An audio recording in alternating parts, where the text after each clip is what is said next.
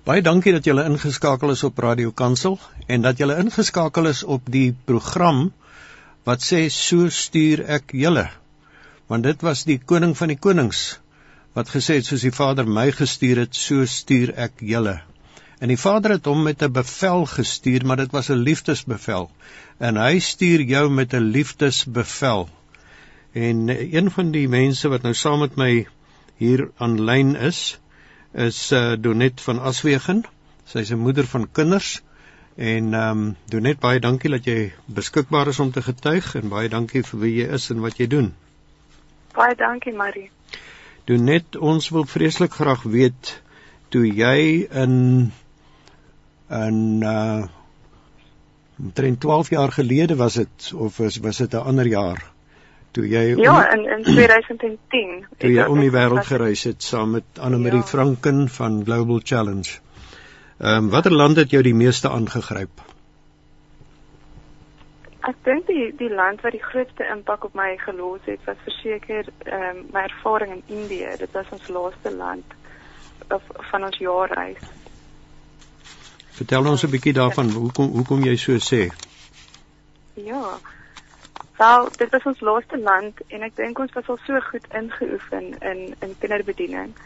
So toe hulle vir ons vra om 'n kinderprogram aan te bied, het ons maar uit die ou ou goeders gaan gaan opsoek en en toe ons daar aankom het ons dadelik agtergekom is iets anders aan hierdie plek want die kinders selfs met die die voorbereiding met die lofprysing het die kinders net iets anders gehad. Ek kon sien dat jong kindertjies was met oorgawe hulle hande in die lug opgooi en gebid en en gesing uit hulle harte uit. Dit het my so aangeraak met die aankoms dat ek ek het trane in my oë gehad en ek het uit agter uit die saal uitgestap. En toe ek so om die hoek gestap kom, toe sien ek my man het vooruit gestap en hy trane in sy oë gehad. Mooi. Want want van al die lande want was dit ons nog nooit jong kinders gesien met so ehm um, liefes en so met soveel oorgawe die Here loof en prys is daai kindertjies nie. En ek dink om om dit was 'n kinderreis van omtrent 700 kinders wat elke oggend en elke aand 'n bakkie rys gekry het. Sjoe. En dan Sondag was die bederf 'n hardgekookte eier en dan was die hoogtepunt van die jaar was as as ons spanne gekom het en 'n hoenderete gemaak het vir die die kinderreis. En ehm um, ek dink wat wat jou dan plat geslaan het was as jy die aand jou kamertjie besoek en dit was 'n 'n 'n klein betonkamertjie met te min beddens vir al die kinders, so meeste van hulle het op die vloer geslaap. Dan het daai kinders hulle bakkie hoender vir jou gelos want hulle wou vir jou ietsie gee. Ehm um, want jy het so ver geraak in jou kamer met kindertjies. Ja, ehm um, so Indië het 'n groot impak impak op my gelos en ek dink die mense vra altyd maar hoe dit gebeur, hoe waar kry hulle dit en die getuienis was um, van meneer Thomas wat op 'n treinstasie gestaan het toe hy 'n jong man was en hy die ekwivalent van R2 in sy sak gehad. En hy het ervaar Here vra vir hom, ehm, um, "Sal jy na my kinders kyk?" En hy het vir die Here gesê, "Here, ek sal, maar ek het, ek het niks in my sak nie." En hy het hy het die Emmanuel kinderhuisgroep begin en daai kinderhuisgroep het oor die 50000 kinders na hom gesien en waarvan 80% van hulle sendlinge geword het of ehm um, self ander kinderreise weer begin het. So net net hy het op daai stadium was dit eintlik dis as 'n later daai jaar oorlede wat ons daar was. Maar dit elke middag dan bring hulle hom met die kar nader en dan sing al die kinders vir hom en dit was my so aangeraak om te sien hoe lief hulle vir hom was en ehm um, ja hoe hoe een man se lewe so groot impak kon gehad het. Wow. Dit is geweldig. En ehm um, ja. sê vir my was jy ooit met jou hele gesin saam met jou man David ehm um, op 'n korttermyn uitreiking? Ja, ek het ek het nogal gedink as mens kinders kry dat ehm um, jou jou reise verby is en dat dit meer en jy, jy weet dat jy meer net in jou in jou nabye omliggende omgewing betrokke raak, maar ons het 2018 toe ehm um, ons het altyd gesê as ons 10 jaar getroud is, dan wil ons na eh uh, Kroasie toe gaan. Dit was een van die lande wat al die spanne altyd kom vertel het. En ehm um, ons het hard gebid en So in die begin van daai jaar toe ontmoet ons 'n uh, uh, maak ons twee vriende met 'n uh, Brasiliaanse paartjie en hoe meer ons met hulle praat oor Brasilië, hoe meer het ons harte oopgegaan vir die land. Ons was nog nooit van tevore daar nie. En hulle moes toe vir visa redes teruggaan na Brasilië toe en hulle nooi ons toe om hulle te kom kuier. En ek het my baie net gewonder, kan dit waar wees? En ek dink twee goeters wat wat ek gesê het, goed as as dit moontlik is, dis net daai klein stap van geloof wat mens van en sê, dis sê ek as dit moontlik is, sal ek graag my hele gesin wil neem want die die gesinne waarmee ons daarmee in aanraking gaan kom, gaan kindertjies hê. So ek wil nie met daai kindertjies betrokke wees en dan mis ek my eie kinders in in hierdie in die geleentheid om hulle saam te vat nie. En die ander ding was um, ek sou graag die Amazone rivier wil sien as mens so naby is. Um so dit ons vliesie uitgesit en gesê ons ons het niks in ons sak nie. Hoe gaan hierdie werk? En tot net 'n klomp klomp dinge gebeur wat dit moontlik gemaak het. Die eerste ding was ons gesin het retourkaartjies op 'n Fly Sapphire ehm um, kompetisie gewen. So wow. ons kon van Jeffreys Bay vlieg na Pretoria toe. Toe het ehm um, ons 'n uh, 'n groot groot ehm um, lig uh sê net maar spesiaal gekry om via Angola Brasilia te, te vlieg en ons hele gesin het amper vir die prys van een persoon gevlieg. Sjoe. En en die laaste ding wat wat vir my baie besonder was, was ons het gekyk as ons na die Amazone toe wil gaan en en ons tyd is so beperk na watter plekke toe kan ons gaan en en ons het gesien daar's twee plekke. Ehm um, jy vlieg of in Manaus en of na Belém toe wat op die kus is. En toe ons uitwerk te besef ons Belém sou eintlik beter wees want van hom af kan jy 'n dag reis op die Amazone vat. Uh, maar ons het niemand daar geken nie. Global was nog nie in Belém gewees nie. En ehm um, hierdie Brasilia vriende van ons laat weet toe dat hulle 'n gesin van Chili het wat in geloof na Jeffrey's Bay toe kom en ons moet asseblief saam met hulle tyd spandeer. En toe ons daai aand om die tafel met hierdie gesin van Chili sit en hulle vra vertel ons van julle agtergrond en wie julle is. Dis sê hulle ja, ons is gebore in Chili, maar ons bly al eintlik die laaste 8 jaar in 'n in 'n dorpie in Brasilië en hierdie dorpie se naam is Belém en net daartoe dis vertel ons hulle van ons planne en hulle het toe alles vir ons kon reël. Die van die ouens wat ons kom haal op die lughawe tot die kerk wat ons daar kon besoek tot iemand om ons te help om my reise uit te vind. So dit het ja ag en en in Brasilia self toe ons daar was ehm um, was was daar 'n preek wat my man by een van die kerke gedoen het. En die preek het gegaan daaroor dat die nasies is jou is jou erfporsie, is jou erfdeel. En soos wat hy preek, kon hy sien dat daar mense is wat wat regtig aangeraak is deur daai belofte en na die tyd toe die pastoor ons nooi vir ete, toe is hulle in trane, te sê hulle toe hulle begin het in die bediening, was dit iets wat hulle baie geglo het en baie aan vasgehou het. Maar oor die jare het dit het dit afgestomp geraak en hulle het vergeet dat dat deel van ons roeping is om na die nasies toe te gaan en um net hoe hulle weer weer aangevuur en aangewakker is. En en hy was op sy dag was hy 'n uh, is 'n surfer gewees en hy het net gevoel dat hy wil um of weer vir die Here belofte maak. Uit uit al sy ou surfgear wat hy gehou het om te verkoop um vir sy aftrede het hy geskenk. En hy sê hy wil graag dit dit skenk om om ouens weer nasies toe te stuur. So daar was net en en ons jong seun ehm um, het het vir mense gebid in daai diens. Ons het hom nog nooit so gesien voor of na daai diens wat wat hy wat hy net instap en vir mense bid nie. So as julle gesin was was aangerol deur die ervaring. Hoeveel kinders het julle donet? Ons het ons het vier seuns. Die oudste een is 10 jaar oud en die jongste eenetjie is nou 2. Wonderlik. Prys die Here. Ek wil vir jou herinner aan iets wat jy miskien ken en dit is in uh Jesaja uh is daar 'n versie, ek gaan dit nou sommer uit my kop uit my eie woorde gebruik. Daar's 'n paar versies uh wat sê dat as die vyand aanstorm soos 'n rivier, dan jaag die gees van die Here hom op loop. Wat my betref sê die Here, dit is my verbond met die volk. My gees wat op jou is, en my woord wat ek op jou lippe lê sal nie van jou wyk nie en nie van jou kinders nie nie van jou kinders se kinders nie, nie nou nie en nooit nie sê die Here. So ja. dit is wonderlike gesinskultuur om die Here as 'n gesin gedurig aan daai belofte te herinner, want hy kom dit na. So baie dankie Marie, dit is 'n baie goeie woord. Ek is nou vir Dani onderwyser van Jeffreys Bay um, op die lyn. Dani baie dankie dat jy uh, gereed is om te getuig. Ehm um, vertel asseblief vir ons met jou omswervinge soos wat jy die Here gehoorsaam om die wêreld in te gaan en die volke sy disippels te maak. Wat staan vir jou uit? Goeiemôre Marie. Ja, is my voorreg om te kan getuig van dit wat die Here gedoen het. En ek weet dit is regtig hy wat dit doen en en nie ek nie. Uh, ons het vir jare in Zambia toe uitgereik. Ehm um, na die Love Southern Africa uh, konferensie in Pretoria.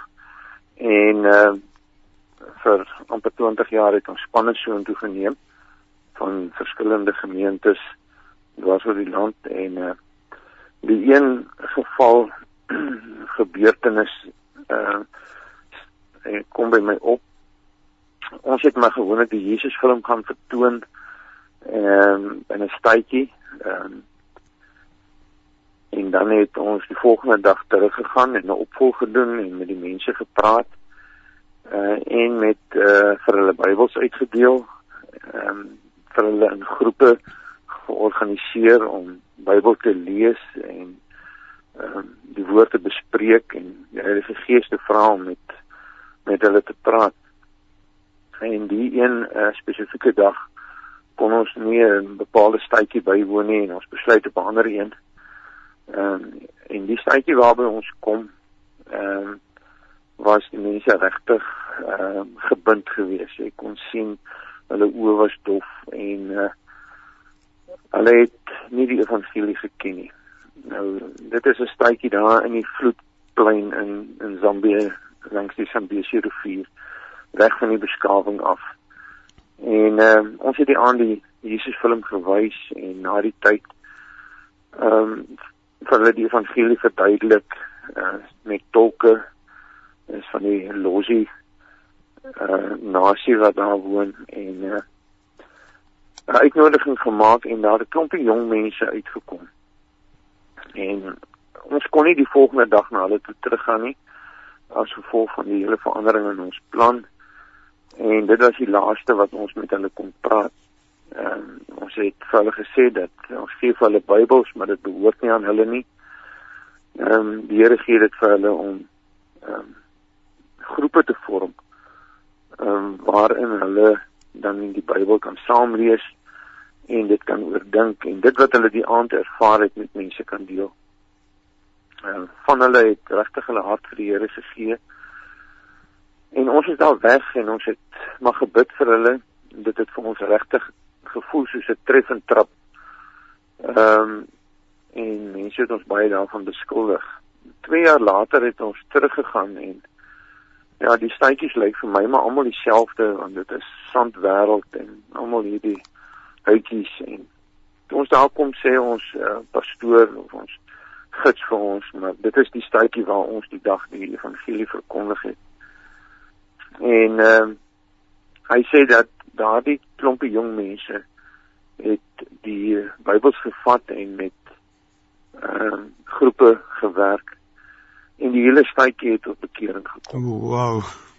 En eh, seker nog 2 jaar daarna het ek en my vrou alleen by die stadjie weer uitgekom. Ek sê nou per toeval, maar ons weet dis nie per toeval nie. En die mense het uitgekom na ons toe en hulle Bybel saamgebring. En die Bybels was stikkend gelees. Halleluja. Dit is soos Bybels wat 10 jaar oud was ons het hulle nuwe Bybels gegee en hulle het gestraal. En dit was net vir my 'n teken dat uh, die Heilige Gees werk wanneer ons nie meer daar is nie. En dit was vir my 'n bemoediging en 'n aanmoediging om te volhard daarin. Ja, dit is maar die getuienis wat wat vir my uitstaan. Halleluja, dis dis baie baie wonderlik. Baie dankie, Dani. Dit is 'n plesier. From Germany. And with a traditional German church background, where in Germany basically everything is figured out. And even as a Christian, you don't really need um, faith and trusting in God to be part of your daily life to live a good life and to be an accepted good Christian. So what I experienced um, here in South Africa and what God also did in my life uh, through Global Challenge was um, really releasing, situ- releasing me and putting me in situations where I had to trust God, where the security of um, safety of um, everything being figured out was not there anymore. And I just remember the one story. I was on a, a missions trip um, in 2016. We just finished a three weeks time in Cuba, and um, had our now uh, for 40 days ahead in Central America. And what we as leadership felt in the beginning of the time when we planned this journey was that um, we shouldn't set up a ministry point, but we should go to Central America, um, starting in Mexico, and um, yeah, trust God to bring us in contact with people who He had already prepared. And it reminds me so beautifully on um, Ephesians 2:10, where Paul speaks about the good works which are in advance prepared for us to do. And I really saw this happening. So we arrived in Mexico at the airport, and as I said, we were a team of 11. I didn't know, or we didn't know where to go from there because we only had the promise. This was a few months ago already, where God gave us this promise that, yeah, He had set up those 40 days ahead now. And we had a very small budget, which uh, didn't really help to now have like the safety net of just checking in a hotel or so. We just didn't have the finances for that.